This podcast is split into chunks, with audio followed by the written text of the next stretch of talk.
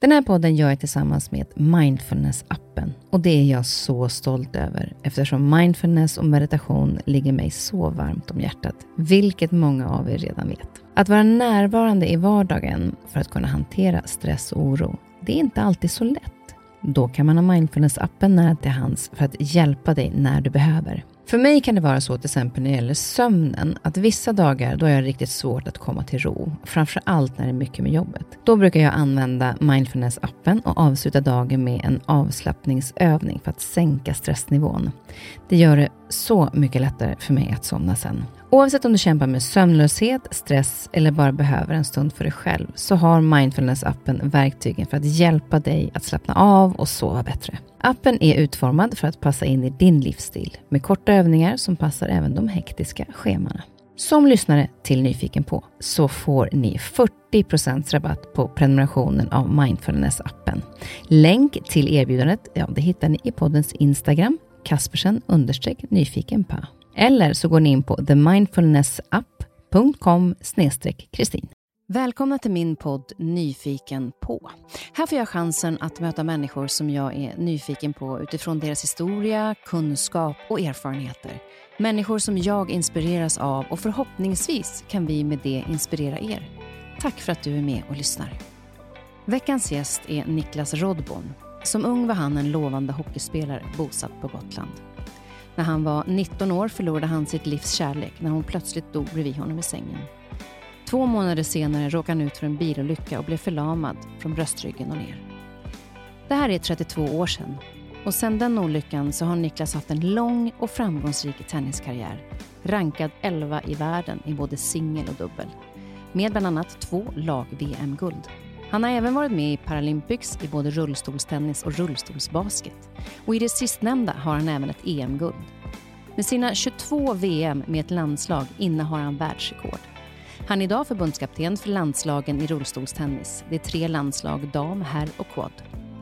Jag är nyfiken på hur Niklas efter sin stora sorg och olycka hittade kraften att vända livet till att bli så innehållsrikt och meningsfullt.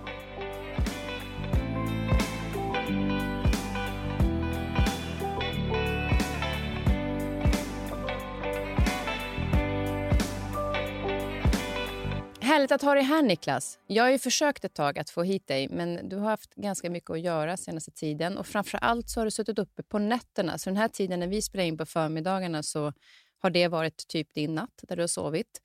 Eh, vi känner ju lite grann varandra sen tidigare ska jag säga också, så att det kan folk veta under eh, intervjun eller samtalet. Men vad är det du har gjort på nätterna? Ja, tack eh, för att jag får vara här. Mm, eh, jättekul. Eh, jag har kommenterat tennis på Eurosport. Det har ju varit eh, en ganska död period, eller helt död period mellan mars och augusti. Det har inte funnits några tennisturneringar i världen överhuvudtaget. Eh, det har inte varit tillåtet och nu har de börjat och eh, kört igång lite grann från mitten av augusti och framåt och då har det varit full fart. Så eh, det har varit både US Open och eh, Franska öppna mästerskapen här efter varandra med förturneringar till dem. Så det har varit väldigt mycket jobb nu augusti, september och oktober för mig. Du, vi ska eh, prata lite grann om din livshistoria, Niklas. Mm. Eh, och det började ju för Alltså där vi började då är för 32 år sedan. Det är inte, både du och jag, ja, vi är samma. Vi är lika gamla du Jajamän. Ja.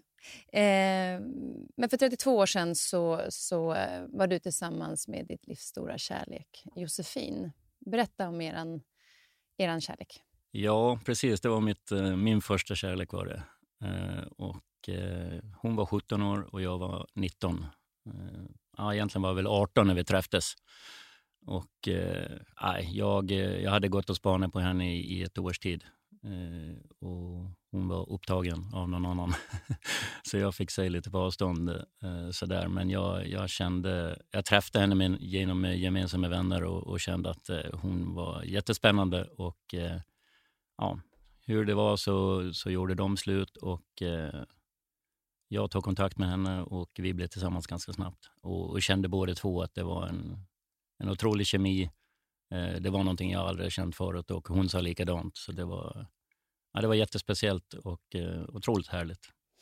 Jag känner ju också delar av din familj, eller större delen av din familj. Och de har också berättat att människor runt omkring er sa liksom, så där kär kan man liksom inte bli. Det var nästan lite det var så stort så att även de från sidan sa att man Mm. ser deras kärlek så enormt starkt. Mm. Ja, det, det tror jag att eh, alla gjorde som var runt omkring oss faktiskt. Det, det, var, det, det var jättespeciellt. Det, det, det är svårt att förklara, liksom, men eh, var man där och, när det hände så, så kände man att det här är äkta. Mm. Det är otroligt äkta. Och, ja, en otrolig attraktion och att vi hade så kul ihop. Och, ja, allting var bra. Liksom. Mm. Fram till, eh, det var 1988, Mm. i maj. Ja. Vad var det som hände då? Då var det så här att vi var inne hos hennes eh, mamma och sambo inne i Visby. Och eh, jag bodde med mina föräldrar och syskon ute på landet. Eh, så vi eh, skulle åka ut. Det här var en, eh, en vardag. Eh, vi skulle upp i plugget nästa dag. Och eh, vi gick på gymnasiet inne i Visby tillsammans. Eh, ja, hon är två år yngre, hon gick ettan och jag gick i trean.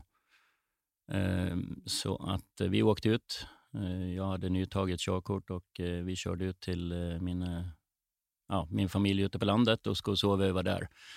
Och hon kom sjukt bra överens med hela min familj och kom ut och, och mamma och hon ja, tyckte jättemycket om varandra så de satt sig i köket och, och pratade. Och jag var lite trött och det var ganska så sent. minns inte exakt var hon var men jag kände att jag går upp på övervåningen och lägger mig. Så jag sa till dem att eh, jag går upp och lägger mig så kom, kom när du vill sen, sa jag till Josefin. Okej, sa hon, jag kommer sen. Och eh, jag gick upp, la mig, gjorde mig i ordning och la mig. Och sen eh, efter en stund så kom hon upp för trappen och sen tittade hon in i sovrummet och sa, eh, somna inte ännu, eh, jag kommer snart. Okej, så gick hon på toaletten på övervåningen och sen kom hon in. Och eh, allting var exakt som vanligt. Hon var precis sa inte att hon hade ont någonstans eller ingenting konstigt. Hon var inte trött eh, eller någonting. Hon var precis lika glad och sprallig som vanligt. Och, eh, ja, vi la oss och pussades och kramades i sängen och, och sen sa hon bara så här, vänta lite Nicke. Och jag, jag, jag sa tillbaka, vad, vad, vadå, vad, vad händer liksom? För det, det var något konstigt som inte har hänt förut. Och då, då svarade hon inte mig. Så jag frågade igen, vad, vad är det som händer Josefin? Och hon svarade inte. Då fattade jag direkt, nu är det någonting som händer. Hon är helt borta. Så jag skrek ner på, till min eh, eh, mamma och pappa att eh, ring eh, ambulans, det är någonting som händer med Josefin. Och det gjorde de. Eh, och den var där på tio minuter faktiskt. Otroligt snabbt var de där på plats. Och eh, jag försökte att göra mun mot mun eh, tills de kom. Och eh, jag minns att pappa var inne i rummet och ja, det var ju kaos. Och sen när de kommer då säger de till oss att eh, alla måste gå ut från sovrummet och de går in där och ja, de eh, försöker återuppliva henne med eh, elchocker och, och så vidare. Eh, de kommer ut och eh, tar ner henne för trappen och säger att vi får komma in efter. Hon åker, eh, vi får inte åka med i ambulansen. Vet du varför du inte fick åka med i ambulansen? Nej, det här minns jag faktiskt inte. Det var så otroligt kaosigt där. Eh, Jag tror att man bara accepterade det, att eh, det är så det är. Liksom. Mm. Men som jag fattade efteråt så hade de inte ens sirenerna på in till Visby lasarett. Det fanns ingenting att göra. Så de förstod att det var så? Hon, Och det det, var de fick inte liv med. Nej, det tro, jo, där har du nog svaret på det. Det fanns ingen chans. Det hade blivit för, för stor chock för mig eh, att sitta där och vet, säga att de inte gör någonting och inte kör fort. Och, ja, säkert. Um, så vi åker efter in till Visby lasarett och möter upp hennes uh, ja, familj. Uh, syster och mamma och allihopa. Uh, eh, och vi får sitta i ett rum och, och vänta och vi är ju helt ifrån oss och fattar ingenting vad som har hänt. Sen kommer läkaren ut till det här rummet och, och säger till oss efter en stund då att det fanns ingenting vi kan göra. Hon har ty, tyvärr gått bort. Vad var det som hade hänt? Vad var det för typ av... Eh, var det hjärtat då? Mm. Det var hjärtat. Hon hade ingen hjärtsjukdom, ingenting. Hon, eh, hon var lika frisk som vilken eh, 17-åring som helst. Eh, det var, de förklarade det som... Eh, det finns något som heter plötslig spädbarnsdöd. Små spädbarn som eh, kan dö utan att det är något fel på dem. Man vet inte riktigt varför de gör det, men det, det hände. Eh, lyckligtvis inte jätteofta, men det hände. Och det hände även vuxna, ännu mer sällan då. Men det händer vuxna också att eh, man kan drabbas av plötsligt hjärtstopp utan att ha ett enda fel.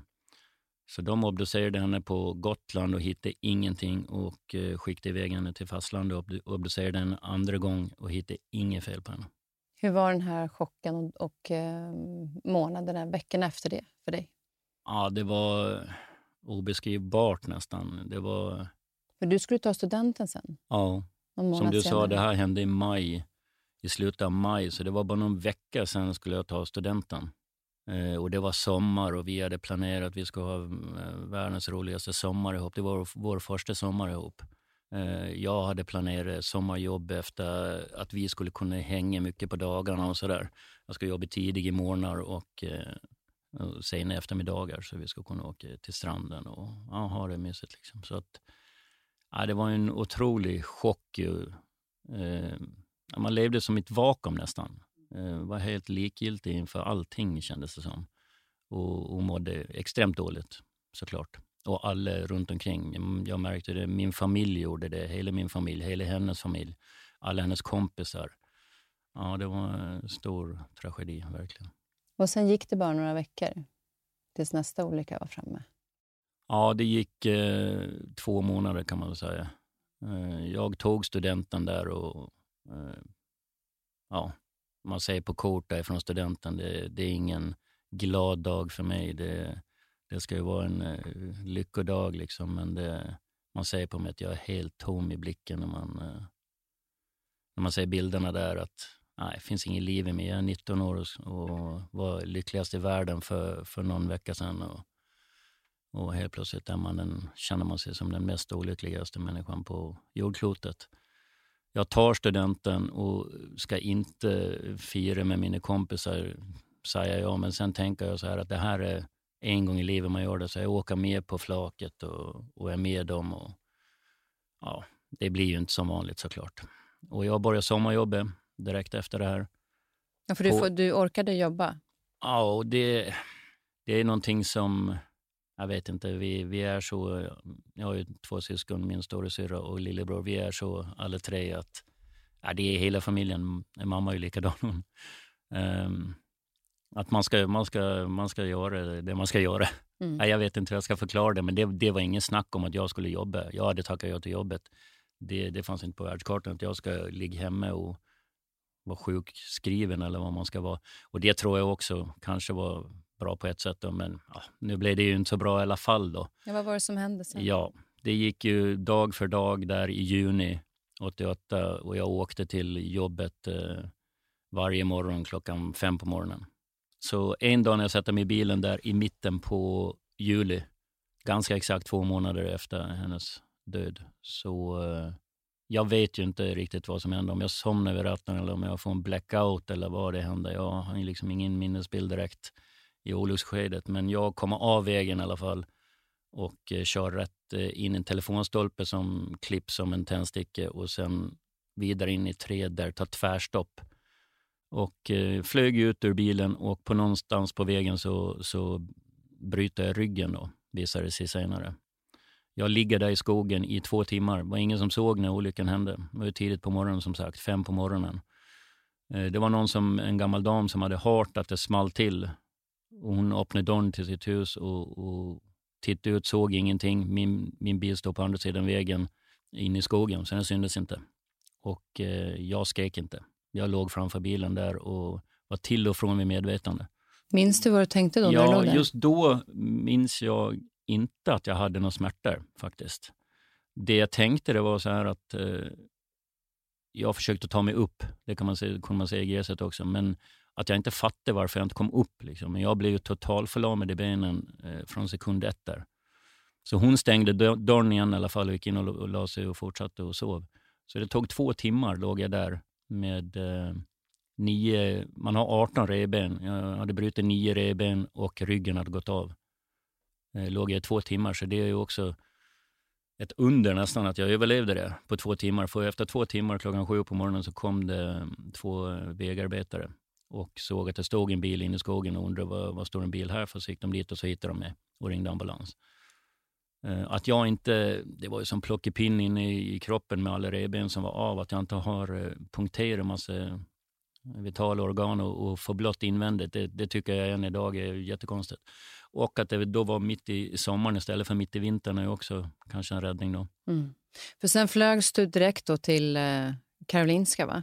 Ja, jag, kom in på Visby lasarett och de eh, gick igenom mig och, insåg alla de här komplikationerna invändigt. Speciellt med den brutna ryggen då, att det är ju, det är ju någonting som händer lite, ja, som jag har förstått det, lite drygt 100 pers i, i Sverige om året. Så det är ju inte jättemånga på Gotland och, och lekarna där var inte så vana med, med det här. Det händer inte ofta. Så att de kände att eh, nej, det här får experter på Karolinska ta hand om. Så att upp med helikopter samma dag. Den färden har jag inte ett minne av. Ehm, så där låg jag i sex månader sen på Karolinska. När, när fick du reda på att du inte skulle kunna gå igen?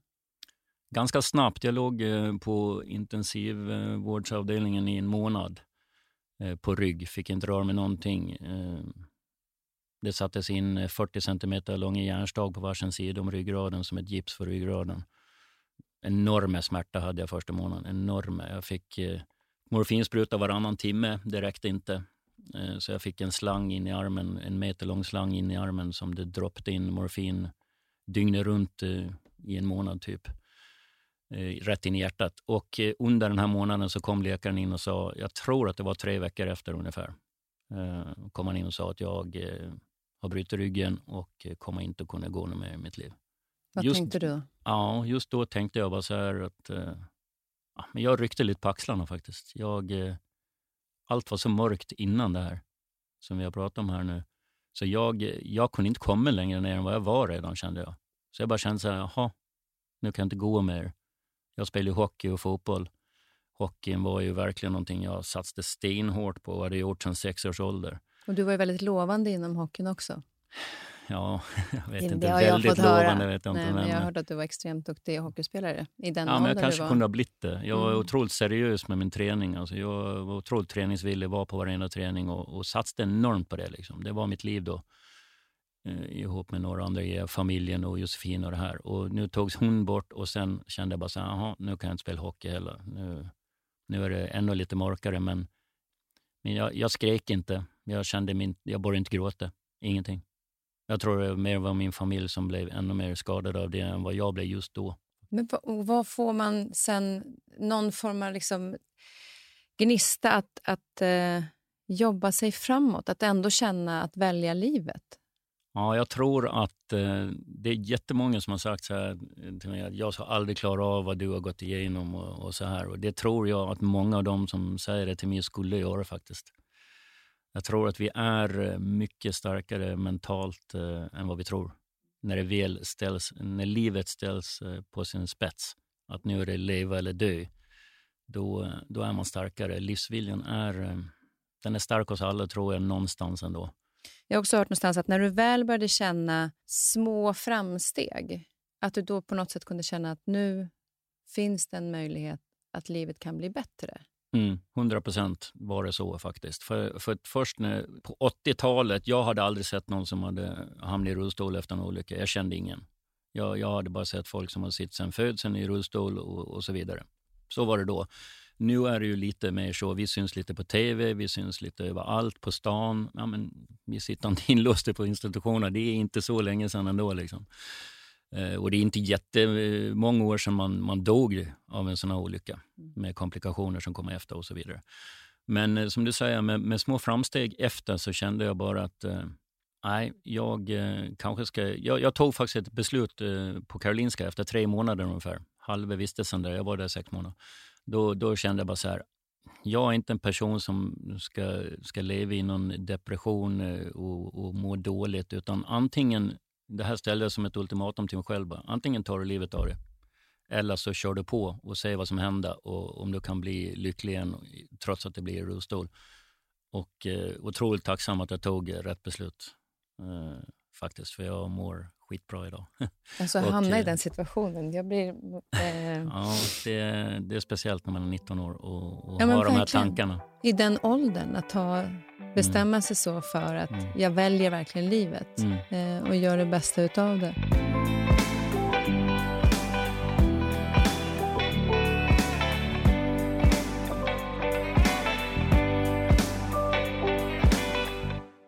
Ni var ju på Karolinska eh, ett tag, sen åkte ni också till Ryssland Mm. och var på sjukhus där. Mm. Hur kom det sig att ni åkte dit? Ja, det var så här på den tiden eh, och än idag faktiskt så, så vet man inte hur man ska lösa det här med att reparera ryggmärgen då, som är eh, som en bunt spaghetti i mikroskopisk form inne i ryggraden. Det är nerverna då, centrala nervsystemet som går ut till armar och ben. Man vet inte hur man ska fixa det. I Ryssland eh, sa de att de, de försöker att fixa det här genom att brygga vidare, ta nerver från höften och eh, försöka få dem att få fäste i eh, ryggmärgen ovanför skadan och brygga förbi den här skadan. Då, där man tror att ryggmärgen är avsliten. Då. Mm. Och, och nerven på höften, där kanske du tappar lite känsel bara, men det är inte så mycket rörlighet att tappa då. Så det är inte en superviktig nerv, eh, eh, tänkte de då. Och det, ja, det lät ju bra, tänkte jag. Och jag vill ta alla chanser. Jag kände så här, jag tar alla chanser jag kan. Så det startades en eh, fond på Gotland. Ja, dina, dina, jag hörde att dina kompisar, hockeykompisar samlade in pengar också. Mm. En gammal hockeytränare, framförallt eh, Eddie Blad, som eh, startade den här fonden. Och eh, Sen fick han med sig alla mina hockeykompisar och sen spreds det mer och mer på Gotland. Det är ju ganska litet ställe, vilket Mm. kan vara en fördel i en sån här eh, situation. Och eh, fick in jättemycket pengar. Jag fick ju in eh, 100 000 För att ni skulle kunna åka till. Ryssland. 1988, 100 000, det är ganska mycket pengar. Och det kostade 150 000 det här.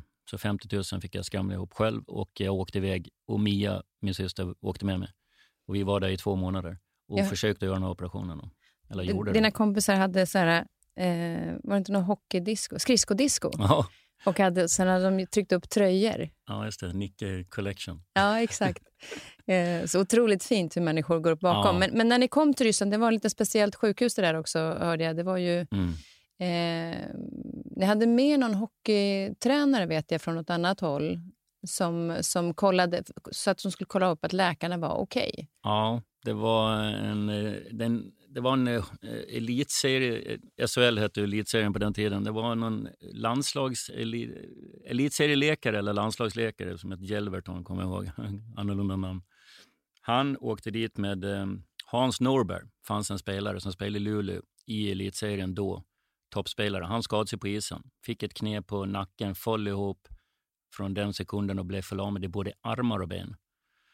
Eh, och han var med mig, Eh, Hans Norberg och den här Jelverton åkte med mig, eh, inte med mig då, men de åkte också till Ryssland eh, och, och tipsade mig lite om det här operationen. Då.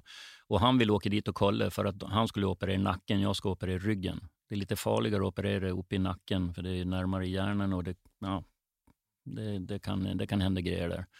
Så han ville åka dit och kolla hur operationen var och kanske att han skulle ta de här läkarna till Sverige och göra det här på ett svenskt sjukhus istället.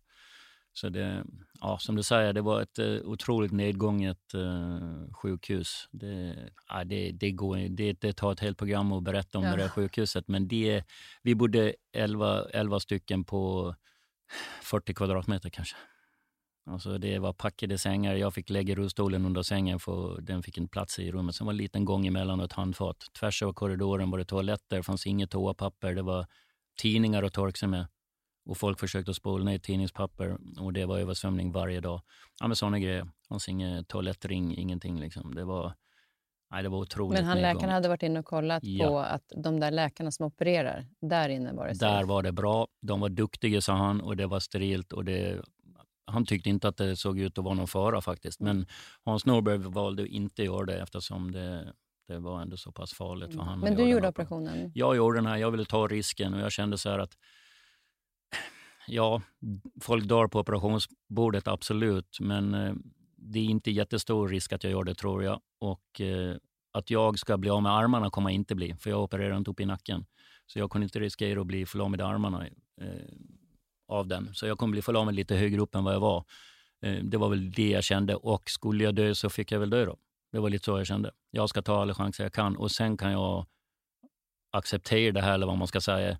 Det gör man kanske aldrig riktigt, men lär mig att leva med det i så fall. Men, Men då har jag känt det att jag gjort, exakt, det, Mm. det var viktigt för mig. Mm. Otroligt viktigt för mig att känna att jag har gjort allt jag kunde och sen kan jag vara lugnare.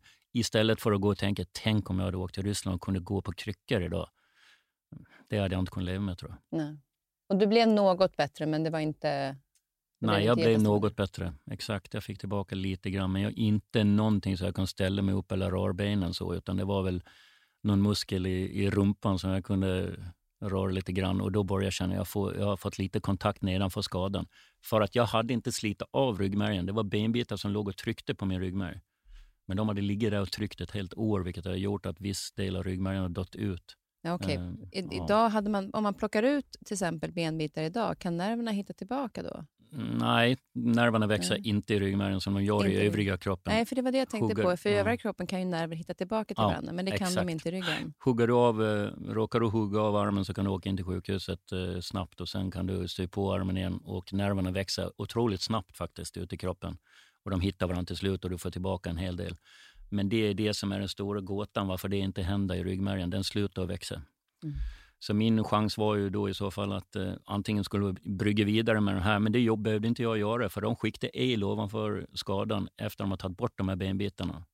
Min ryggmärg var så pass hel att det gick igenom ner till benen. Mm. Så då, jag hade större chans att bli bra, sa de. Men tyvärr blev jag inte det. Då. Mm. Men hade de tagit bort benbitarna direkt från Karolinska när jag skadade mig, då vet man inte vad som hade hänt. Men mm. det är ju bara spekulationer. Ja, det är ingenting man kan förändra, för det, det, det, var ju så. Det tänker jag inte på. Men sen så när du hade gjort allt det här så bestämde du för nu, eh, och då hittade du tillbaka till sporten igen. Precis. Men det blev tennis? Ja. Jag, eh, jag, jag kände så här att när, när jag började ta de här små stegen som du sa, jag flyttade hemifrån som eh, man hade planen att göra när man var 20 år gammal. Jag flyttade faktiskt ett år efter min skada helt själv till eget boende och klarade mig helt själv. Jag körde bil med handreglage, eh, vilket var en stor lyft för mig att det gick att göra fortfarande. Och att jag kunde bo själv och, och, och fixa allting i hemmet med mig själv och med hemmet. Eh, precis som vem som helst, tvätta, städa, diska, vad som helst, laga mat. Och det har varit viktigt för dig att du ska från början, inte bara det att du, att du väljer livet, utan du vill välja livet och klara dig själv. Ja, otroligt viktigt man är ju precis mitt emellan och, och bli vuxen och, och, barn där när man är 19 år. Så jag bara kände att eh, nej, men jag, ska, jag ska vara som jag var, så mycket det bara går. Jag kommer inte kunna klänga i berg eller springa på sandstranden. Men eh, det som jag kan göra, det ska jag kunna göra. Så det var ett stort mål på Karolinska redan de här sex månaderna. Jag mig själv så självständig att jag klarade förflyttningar. Eh, jag klarade att hantera rullstolen och, klä på mig och ja, men duscha och allt vad det innebär. Liksom. Och ha en kropp som ja, mm. en, en tredjedel, nästan uh, halva kroppen inte funkar. Så uh, ja, och sen det var kom viktigt. tennisen? Ja, exakt. Det, då kände jag, när jag det året när jag flyttade hemifrån att ska jag bli ska jag känna att uh, riktig livsglädje igen, då måste jag hitta en idrott som funkar även i rullstol. Så jag testade allting och, och, på den tiden kände jag att jag, jag vill vara kvar på Gotland för att eh, vara nära familjen. Det, var, det hade jag stort behov av. Vi är otroligt tajta. Vi var det innan det här och vi blev ännu tajtare genom hennes död och min olycka. Så att eh, det finns inte jättemycket eh, handikappidrott, säger jag, men eh, paraidrott ska man säga nu, eh, på Gotland. Definitivt inga lagidrotter. Mm. Så att jag var tvungen att inrikta mig på en individuell idrott och jag testade allting i princip som finns och tyckte allting var skittråkigt. ja, det tyckte jag faktiskt. Eh, så eh, det var lite så här, jag höll på att ge upp nästan. Mm. Är det för att du älskade hockeyn så mycket så att du fortfarande jämförde glädjen med, med sporten du hade hållit på med innan du skadade dig? Jo, det, det ligger en poäng i det faktiskt, att jag ville hitta någonting som var lika roligt som hockeyn. Och det var ingenting som var i närheten av det. Jag ville bli svettig, jag, jag ville inte eh, jag vill inte ut och rulla. Jag, jag köpte en stol minns jag för 11 000 1989. Eh, en friidrottsstol och låg på gotländska vägarna så här och rullade och tänkte vad fan håller jag på med? Det här är det tråkigaste jag varit med om. och eh, det var likadant innan min olycka. Jag tyckte inte om att springa. Alltså springa, ja, men inte bara springa utan boll eller puck eller någonting som distraherar mig från att uh, märka att jag blir trött. Mm. Springer du, du, du bara, det är det enda du tänker på, hur trött du blir. Liksom. Det är inte min grej. Och det var inte min grej att rulla heller. Då. Så att, uh, det var bara att ta bort. Och uh, pingis testade jag. Nej, svettas inte tillräckligt liksom, för att uh, känna att det är en idrott som jag gillar. Uh, pilbåge likadant. Det är mycket stillasittande. Jag, jag vill röra på mig mycket. Och sen kom tennisen till Sverige 1989 det var ju min lycka. Så när jag testade det första gången så, så var det ju otroligt svårt. Jag, jag fick knappt öva en boll. Det blev också en utmaning då för att det var Ja, så himla svårt? Eller? Exakt. Ja. Är det kul nu, tänkte jag, så kommer det bli svinkul sen när jag blir bra. Så där, det var jag taggad på direkt. Mm. Ska säga också när du förklarar den här västen, det är ju också att, att eh, du har brutit ryggen på ett sådant sätt att du har liksom ingen core, så du kan inte riktigt hålla upp Nej. ryggen. Du kan inte Nej. sitta på en stol till exempel utan ryggstöd Nej, och du måste hålla i dig med händerna och så här. Och därför hade du den här eh, västen då när du Ja. satt i eh, rullstolen då. Ja, i början så i alla fall för att hålla upp sig, men det är också för att du får inte röra ryggen för mycket. I början. Mm. Den ska leka ordentligt helt och hållet och det tog ju tid. Så det var en, eh, ja, en stenhård plastväst som täckte hela överkroppen. Liksom. Men du började i alla fall träna ordentligt där och eh, från att inte få över bollen var det 1989. Mm. När, när började du tävla? 1989. Ja, det är ju helt sjukt. ja, det är lite sjukt. Men det var, det var ju som sagt det var ju nytt i Sverige då. Ja. Så alla vi som håller på i Sverige, vi var ju nybörjare allihop. Så det var ju inte så eh, att jag kastade mig in med sådana som hållit på i tio år och, och tävlade med dem. Så det var ju inte så konstigt om jag ska vara ärlig. Men det hade ju funnits i världen i tio år redan. US Open spelade man redan 1978. Så att, eh, Och när ja, kom du med i landslaget? ja, 1990 åkte jag på min, eh, min, mitt första lag-VM i USA, Kalifornien. Snacka om pannben. Men, men det är också så intressant just det här att du, med den här sporten så reste du ju väldigt mycket. Mm. Du har ju upplevt enormt mycket i ditt liv, eh, men också där när du skulle resa, att du liksom, nej men då ska jag klara mig själv. Så du kunde hänga på din ena rullstol, tävlingsrullstolen, på ett sätt och så hade du väskorna la du på ett annat sätt för att inte skulle behöva be om hjälp. Mm. Hur Ja, var var tanken det. kring det när du skulle resa? Ja, man har ju en specialgjord eh, rullstol, specialgjord rullstol för tennis. Och eh, den körde jag framför mig som en, en vagn, som du kör din vagn med väskor på när du åker ut till Arlanda eller går till incheckningen. Så hade jag min eh, tennisstol som vagn och så la jag väskan upp på den. Eh, så det var ett berg där. Eh, och så körde jag den framför mig och klarade mig själv från, från taxin eller om jag körde ut själv med min egen bil till Arlanda. Och så där. så ja, det var jätteviktigt att, att kunna göra alla de här grejerna själv, absolut. Vad har det betytt för dig att du hittade en sport som du, eh, som du kunde komma tillbaka till livet i? Vad, vad liksom har, att man hittar det intresset? Jag tror att det var helt avgörande för att eh, jag sitter här idag nästan. Nej, det ska jag inte säga, men, eh, men otroligt stor del har det. Min familj har en enorm del. Jag ska ge dem så mycket cred och det gör jag. Jag, jag uppskattar dem och det vet de om. Att de eh, verkligen eh, var med och, och, och räddade mig från att och må dåligt och, och hitta livsgnistan igen. Det har min familj jättestor del i. Eh, och tennisen har det också.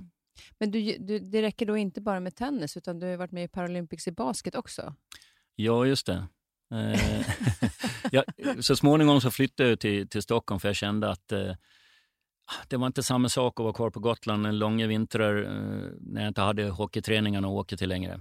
Eh, och ingen annan rullstolstennisspelare fanns det än jag. Jag kunde ju åka och, och spela med vem som helst eh, och träna och, så där, och träna med vanliga tennistränare, absolut. Men det blev lite ensamt och lite på sidan om. Var inte med riktigt med hockeygänget på samma sätt. Det, det blir inte riktigt likadant. Plus att jag såg ju att eh, uppe i Stockholm så, så fanns det ju helt andra förutsättningar. Jag började med att flytta till Kalmar. Där fanns det en rullstolstennisspelare. Så vi började plugga ihop och bodde ihop och tränade ihop.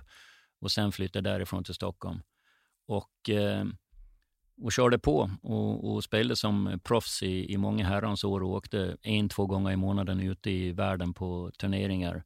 Och sen kom jag med till mitt första Paralympics 2004 i Aten och spelade tennis där. Och året efter det, 2005, så ringde en baskettränare här, i rullstolsbaskettränare här i Stockholm som kände till mig från min rehab. Han var eh, tränare där och satt i rullstol själv och, och var topp 10 rullstolsbasketspelare i världen. Otroligt duktig. Han ringde till mig. Ska du inte komma och testa lite rullstolsbasket?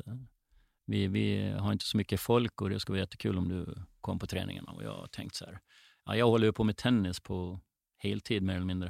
Eh, men det kan väl vara bra kompletteringsträning till tennisen. Så jag åkte dit och sa det till de grabbarna där att eh, jag kommer att komma och gå lite. För jag åker ut i världen en, två veckor i månaden på rullstols tennistouren. Eh, men jag kommer på alla träningar när jag är i Sverige. Men, så att det inte blir några sura miner att jag inte är här jämt, så vet ni varför. Ja, hur lugnt som helst, välkommen, jätteroligt. Och jag körde på med det. Och sen gick det ett år.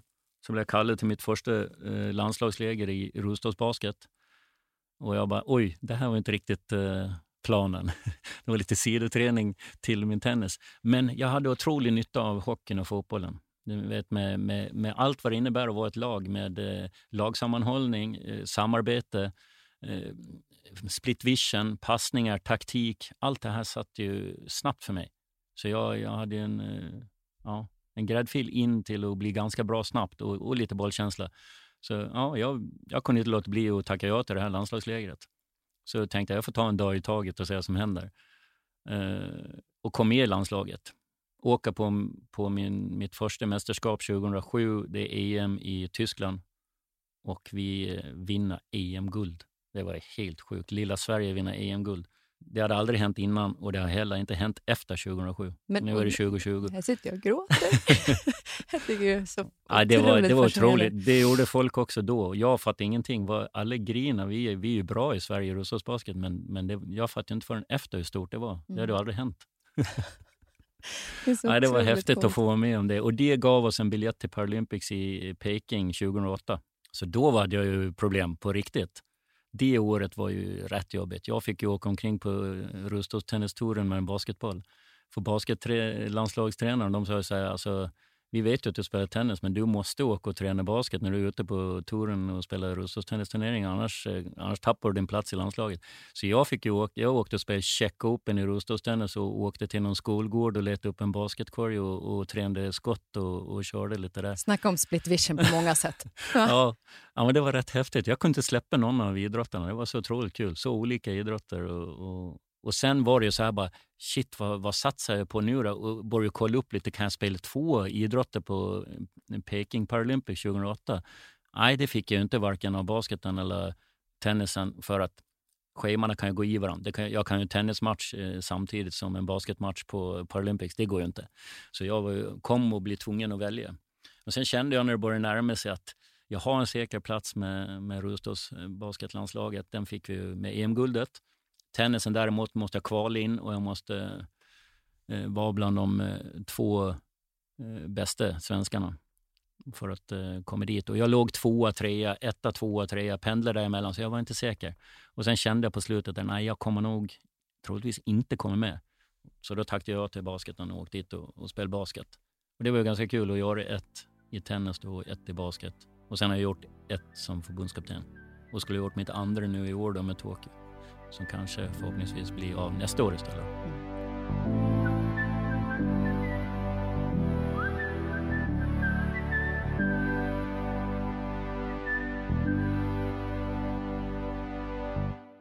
Det är ju en sån fantastisk eh, resa som du har gjort med tanke på den bakgrunden och det som hände och har vänt det på det sättet som du har gjort. Vad skulle du säga till nu var det sådana stora saker som hände dig, men det kan ju hända saker och ting i livet som, som gör att man känner att saker och ting är hopplöst och man inte har någon...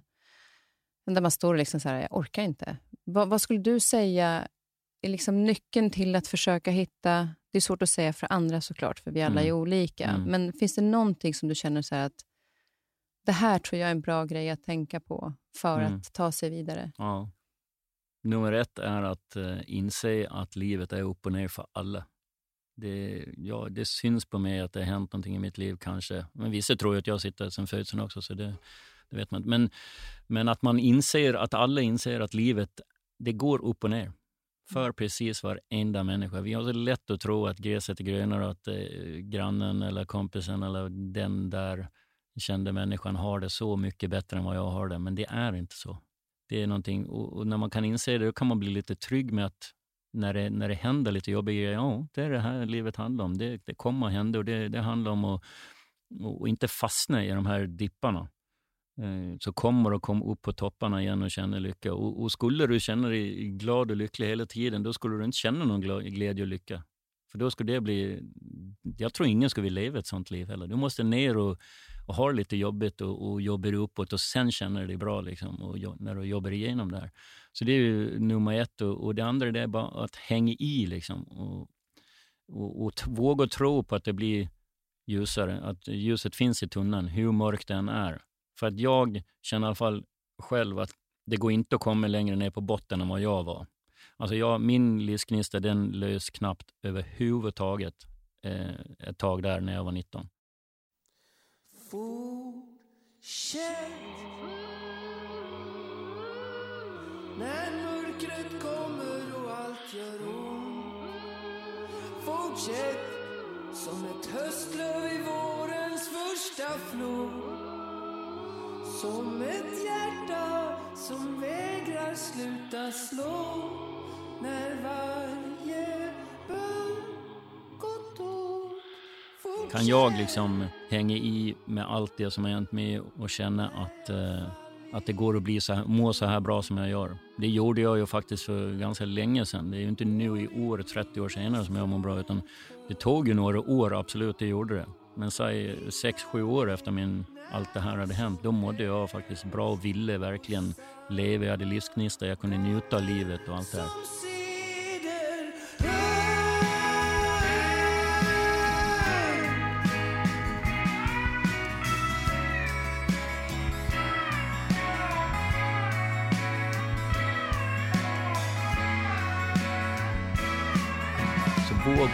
I är väl mitt eh, bästa tips. Och ser det kanske som, som man tänker så om man tittar på det långsiktigt. När du var 19 år så stod du och valde mellan att ta livet av dig Mm. eller att bestämma dig. Och hade du tagit livet av dig, den karriären, allt det du har varit med om, Mm. hade ju du gått miste om om Mm. man hade sett det kortsiktigt. Ja. Men att det kan ta tid att nå dit. Mm. Men som du säger, hänga i det. För det är ju någonstans det att lyfta blicken lite och ge det, ge det en chans att hinna komma bort till ljuset.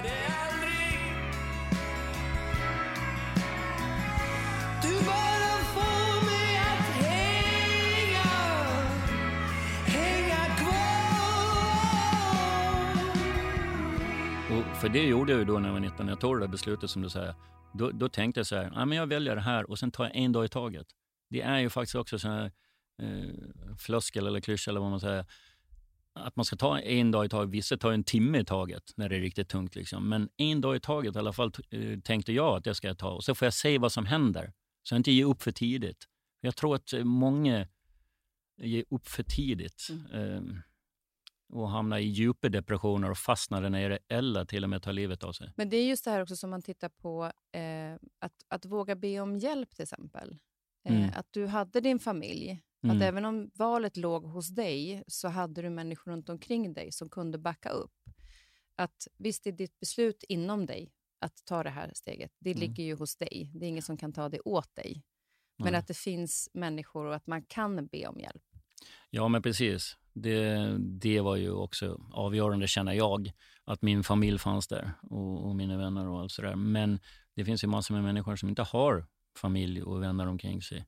Då blir det otroligt mycket tyngre såklart. Men, eh, men, det, men det som du säger, det kan finnas annan hjälp man kan eh, söka. Precis, och det är det jag tänker på. Vem kan man, vad kan man då hitta för hjälp? Att, att ändå känna att titta på, det finns säkert, även om man Mm. inte har familjen, så finns Mm. det kanske någon annan som kan hjälpa en. Mm. Därför att man ropar ut att jag behöver hjälp. Mm. Jag vill välja Mm. det här.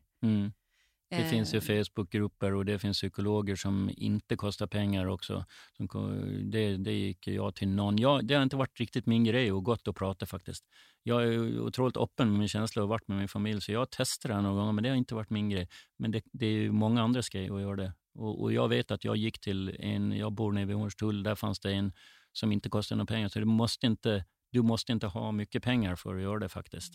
Men jag tänker också på att, för du hade ju då olyckan som, som eh, dig både mentalt och fysiskt såklart, för det påverkar en mentalt att hamna i en sån situation, men också som med kärleken, det var ju två olika saker. Hur, hur kunde du hantera tanken kring kärleken efter att ha förlorat någon? Blev du rädd för kärleken, att förlora någon igen? Eller? Ja, det är bra, bra frågor. Jag vet inte om jag har något svar på det här. För att, nej, jag har inte tänkt att jag är rädd att förlora någon. Jag är ju skadad någonstans av det, det är jag verkligen. För jag har ju inte, jag har inte varit kär sedan dess. Det, det är en gång jag har varit det i mitt liv. Men jag tänker så här också, att det är, det är vissa personer som aldrig blir kära i hela sitt liv. Jag har i alla fall varit det en gång. Vissa blir det flera gånger. Men, och jag tror att jag kanske kan bli det en andra gång också. Men det är inte helt givet att jag blir det. Och det är så mycket kemi som ska stämma, att man ska springa på den personen i rätt tillfälle och så vidare. Men du måste ju också vara öppen för det. Så jag har ju hela tiden gått eh, under den här perioden då jag känt att eh, det skulle vara kul att träffa någon och, och bli kär igen. Eh, det här med att jämföra någon med henne, det är ju, det är ju helt absurt. Det är ju en, det är en tonårskärlek, liksom, så det gör jag ju inte. Eh, däremot så var det rätt länge som jag eh, jämförde känslan, eh, Eh, det vi hade. Men det fick jag reda på tio år senare av någon intelligent person att den är ju helt unik för er två. Den kan jag inte nå med någon annan, så den måste jag också släppa. Jag kan eh, ha en lika bra känsla, men en annan typ av känsla. Så jag kan inte, jag kan inte jaga den känslan.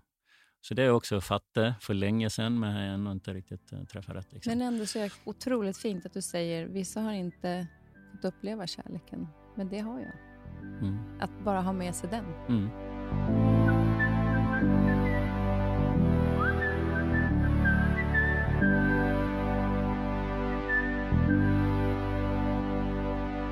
Jag har ju en lyssnarfråga här i programmet och här kommer lyssnarfrågan till dig.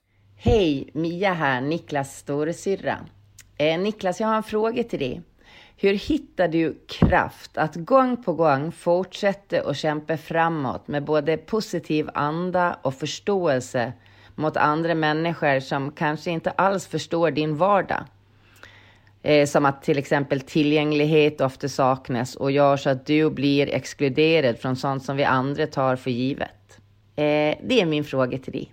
Eh, kram till er båda. Hej hej! Och det här är ju en person som känner dig väldigt, väldigt väl.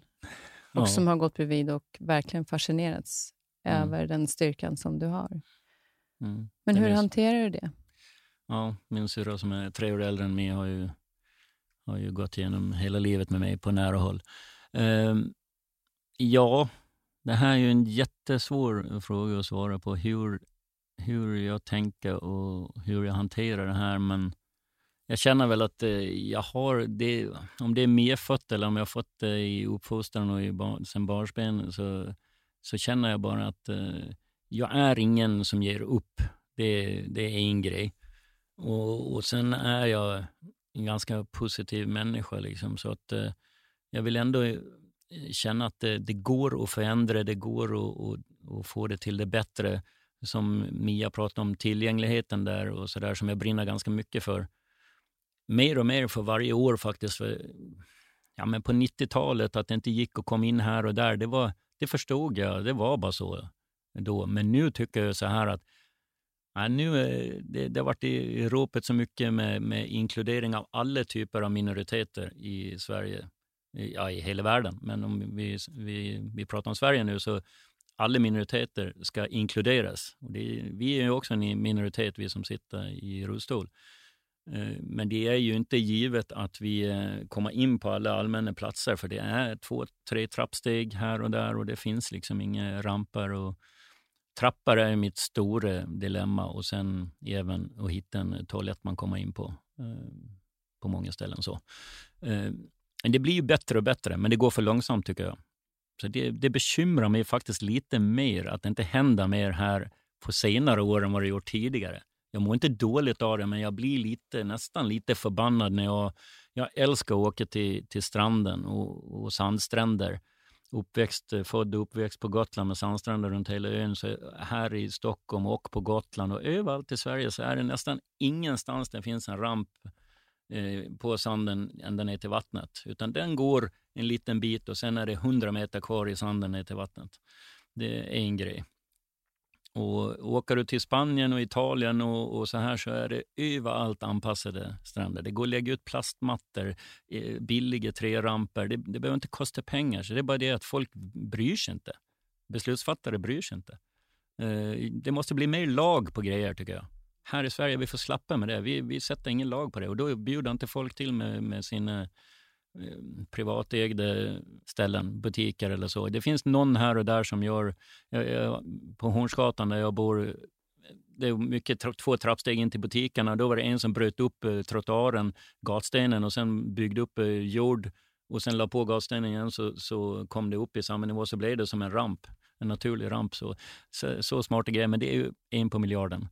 Så det, det kan jag tycka är lite jobbigt, men om jag ska gå tillbaka till frågan hur jag orkar med allting, det, nej, det, ja, men livet är ju jävligt härligt. Man måste se eh, alla, alla grejer man kan göra. Och det har jag faktiskt gjort sedan dag ett. Och inte bara stirra sig blind på det jag inte kan göra. Utan det, det jag kan göra fokusera på det och njuta av det.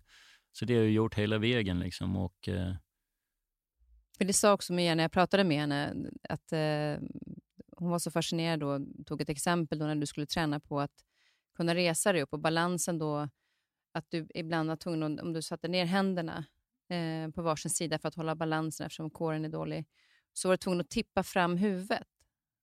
Eh, Mm. Och risken att då tappa taget ibland för just den balansen. Och hon så sa det, jag som är rädd att stå på händer mot vägg mm, för att jag ska slå i huvudet. Mm. Men Niklas bara kämpar och kämpar och kämpar tills Mm. han själv klarar av det för att han Mm. ska bli självständig. Det Mm. finns liksom ingen, det finns inte, jag kan inte. nej. nej, jag är inte rädd för att ta lite risker. Det är jag, inte. jag kan ju inte stå så att det inte blir något missförstånd. Nej, utan när du sitter, När jag sitter på marken och Precis. ska upp i rullstolen, då är det ett ganska eh, högt lyft med rumpan. Dina armar räcker inte till. Om du bara drar rätt upp och ner så kommer du kanske max 30 centimeter och det kanske är 60 centimeter upp till sitsen. Då måste du luta fram huvudet ordentligt för att få upp eh, rumpan så högt. Och då är det läskigt för du, du kan inte hålla emot och du kan ju tippa framåt och slå pannbenet i, i eh, cementgolvet. Eh, det är en riktig balansgång där. Så att, eh, ja, det var ett bra exempel. Eh, och, eh, nej, men jag, jag, jag gillar att eh, ta lite risker och ta mig framåt och kasta mig ut för stupet på många olika sätt. Eh, för sen, eh, då känner jag en kick i livet när man, när man klarar det. Mm. och sen är du ju också väldigt eh, otroligt omtänksam. Mia berättade till exempel att hon ska ta bussen hemifrån dig på kvällen. Då tycker inte du att hon ska åka buss, utan då ska du ta rullstolen ner till din bil, lägga in rullstolen, ta dig in och hoppa in i bilen och sen så ska du köra hem henne och sen så ska du tillbaka igen, ut med rullstolen och upp igen istället Mm. för att hon ska ta buss. Och, och du ger dig liksom inte. Nej. Att det är en självklarhet för dig. Och en annan sak som, eh, där du var väldigt snabb i att hjälpa, det var ju när eh, terrorattacken på Drottninggatan. Mm. Då eh, skrev du direkt ut på Facebook, tror jag det var, va? Mm. att är det någon som behöver hjälp att komma hem, så Mm. kommer jag och hämtar er. Och då körde du den kvällen. Mm. Det gjorde jag. Det var ju kaos överallt. Eh, bussar och tunnelbana och allting slöt ju att gå och folk bodde ju långt utanför stan. Så att de fick ju gå hem. Alltså Västerbron, den var ju tusentals människor. Folk gick ju flera mil hem. Så jag tänkte att eh, nej, men jag, jag sitter här och har faktiskt ingenting att göra. Jag har en bil här nere. Kan jag göra någonting så ska jag göra det. Så jag, eh, ja, jag slängde mig ner i bilen och körde hela den kvällen så många jag hann med. Eh, och de var ju supertacksamma såklart. Och det, ja, men det kändes bra. Och vissa bodde ju inte ens i Stockholm, men jobbade i Stockholm och skulle ja, någon annanstans. Och, och hotellen blev fulla snabbt. Så att jag, jag sa faktiskt att de, folk kunde bo hos mig också. Men eh, ja, det, var, det var ett par stycken som skulle göra det, men det blev inte så. Det löste sig sen lite senare på natten. där. Då löste sig kommunikationerna. Men bara vetskapen om Mm. att de hade någonstans att bo. Men det är ju också så typiskt dig, att, att, att göra saker för andra. Det har varit väldigt viktigt. Ja, men det känner jag att eh, det mår jag bra av. Jag är uppfostrad av eh, mamma som har det godaste hjärtat jag eh, känner. Att man ska vara det. Man ska vara en medmänniska. Man ska ställa upp för varandra och hjälpa varandra när, när man kan. Ehm, Så det, det, det, det känns så givet för mig. Liksom, och, och jag tycker det, det känns bra. Det, det är lite livets mening för mig också. Att eh, dels att göra sig själv eh, nöjd med sitt liv, men sen också hjälpa andra som har det jobbet. Det är det bästa jag vet. Det, det är faktiskt det. Mm, ja, du är fantastisk på så många sätt och där kommer du tillbaka till, till familjen. För ni har ju varit, ni var ju tajta sedan ni var, var små. Det har varit en väldigt, väldigt tajt familj. Ehm, och eh, jag vet ju, eftersom jag känner hela familjen, att ni är ju verkligen likadana allihopa. Mm. Eh, lika generösa och lika omtänksamma. Eh, jag tänkte på en sak när vi kommer till det här med att, att, eh, man är, eh, att du delar med dig. Du föreläser också en del, eller hur? Mm. Mm. Var kan, man, var kan man nå dig någonstans om man skulle vilja? För du vill på något sätt, om du kan hjälpa andra, så vill du ha möjligheten att göra det. Jo, precis. Ja, hur når man mig? Det, jag har ju Instagram och, och Facebook och det finns bara jag med mitt namn. Mm. Det är ju, vi har ju tagit eh, vårt efternamn efter vår pappa som inte lever längre, som heter Rod. Så jag het, vi heter ju Rod Born, född av Rod, R-O-D-H-B-O-R-N och Niklas med bara sig, Niklas Rodborn. Så där kan man ju söka på Instagram eller Facebook och, eh, och skicka ett meddelande om man vill Mm. att jag ska komma och föreläsa. Jag brukar ju säga till de som är här, eller de som är, kommer hit som gäster, eftersom jag är nyfiken då på era historier eller kunskaper eller det ni har med er, eh, att ni också får vara nyfiken på någonting. Och Jag brukar få reda på det innan för att försöka hitta något svar. Och du kom med någonting stort. Ja. Alltså, du kan ju berätta själv.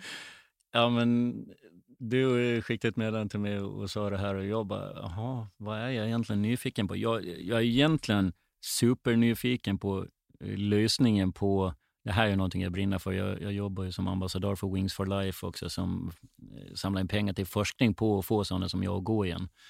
Hur man kan lösa den här gåtan med, med ryggmärgen, men det vet jag ju att du har ingen svar på. Det för det är ingen, ingen i världen svar på, så jag tyckte att det kändes ganska meningslöst att fråga det.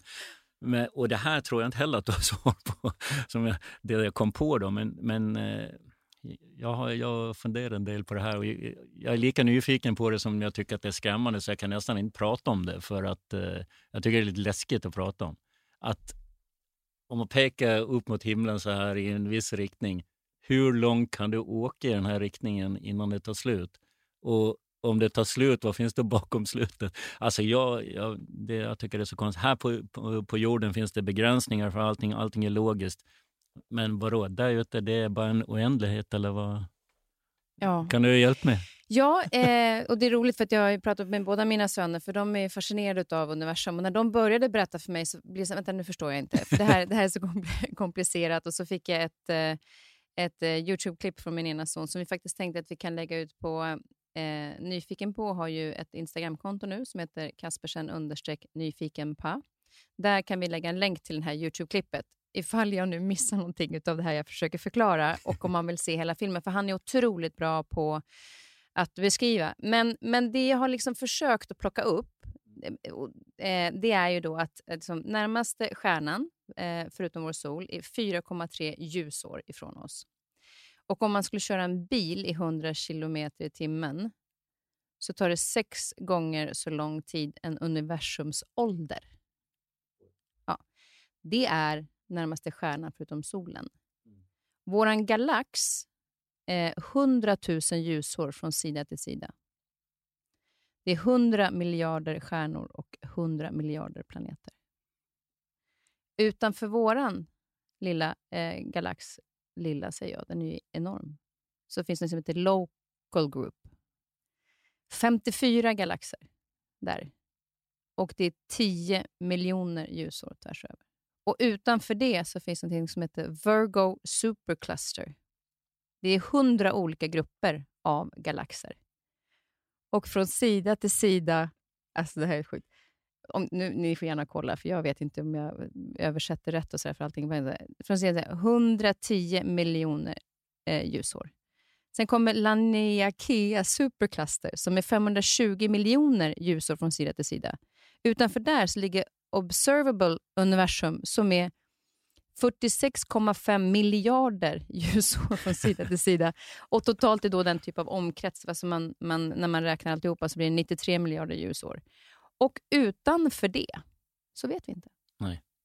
Det var otroligt mycket mer än vad jag trodde att vi visste. Ja. Att vi hade koll på så långt bort som du säger nu ändå. Att det, Ja, det är det man har kunnat se. För sen, och, och grejen är att det är ju liksom, utanför det tror man att det är ännu större. 15 sextiljon större. Ja, det är så sjukt det här så det är inte sant. Hur litet är jordklotet egentligen? Ja, det är Det så är litet. ju så litet va? Ja, då förklarar då ett ljusår. Mm. Det är att du rör dig i ljusets hastighet i ett år. Och ljusets hastighet är nästan 300 miljoner meter per sekund. Ja, det, det är så otroligt. Och det är ett ljusår. Här pratar vi om ganska Exakt. många ljusår. Så vi pratar om, så att det är ju så... Vad är det som gör att du tycker att det är lite läskigt? Ja, men jag tycker att det är konstigt att det inte tar stopp någonstans. Men sen tycker jag att det är lika konstigt, vad, vad, vad ska det ta stopp med? Och vad finns bakom? Ja, ja, jag, ja, jag tycker det är lite, det, ja, jag vet inte. Det man fa- inte det fascinerar, inte. Ja, men precis. Det, det fascinerar lite samtidigt som det skrämmer. Det är väl lite som vad händer efter döden, om det händer någonting. Det är Ja. också lite så läskigt, lite nyfiken på, vad händer någonting egentligen? Eller är det bara mörkt sen? Det får vi se. Ja, det här med, det var väldigt spännande. att, eh, Men som sagt, det här var ju eh, ett eh, Youtube-klipp från en, en väldigt känd serie. Så Mm. jag eh, tänker att vi lägger det här klippet i länken om det väcker nyfikenhet hos andra kring det här. eh, för det var otroligt fascinerande faktiskt att titta på det. Lite svårt, för jag var tvungen att stanna flera gånger för att man blir så här, nej men vänta nu. Det här är ju så, det är så långt bort så att det är så långt Mm. bort så att jag fattar inte riktigt. Nej. Jag måste spela tillbaka för att Ja. försöka förstå det igen. Ja. Eh, och nu är jag tyst där för att jag tänkte jag ska säga någonting som Philip sa som jag inte riktigt förstår, men vi kan ta med det om, om jag säger rätt. Mm. Om man pekar rätt ut Mm. så, och skickar ut någonting Mm. så är det någonting som säger att det kommer tillbaka där man är igen. Nej, jag fattar fan inte. Jag tror vi skiter i det, för jag ska försöka förklara det. Vet du vad, vi avslutar och så fikar vi lite grann. ja, det där får du ta med mig. Eh, fantastiskt härligt att ha dig här Niklas. Vi, vi pratar vidare om det här med universum och nu så ska du få lite fika som jag alltid bjuder på och du vill inte ha någon bulle eller någonting utan du vill ha en macka och det finns inte leverpastej eller avokado. Det var väldigt viktigt. det är ingenting för dig. Ja, men jag äter det mesta, men inte just det. Det är inte just det. Nej men det finns en macka här med, med ost och skinka och så finns det en croissant och så finns det och sen har jag köpt råfodboll och en chokladboll för det är Ja, vad min, gott. alltså då kan man välja vad man vill. Mm. Nej men superhärligt att du eh, kom hit och fasiken vad du inspirerar och berör. Tack. Eh, och du är en fantastisk människa Niklas. Tack detsamma. Tack för att du kom.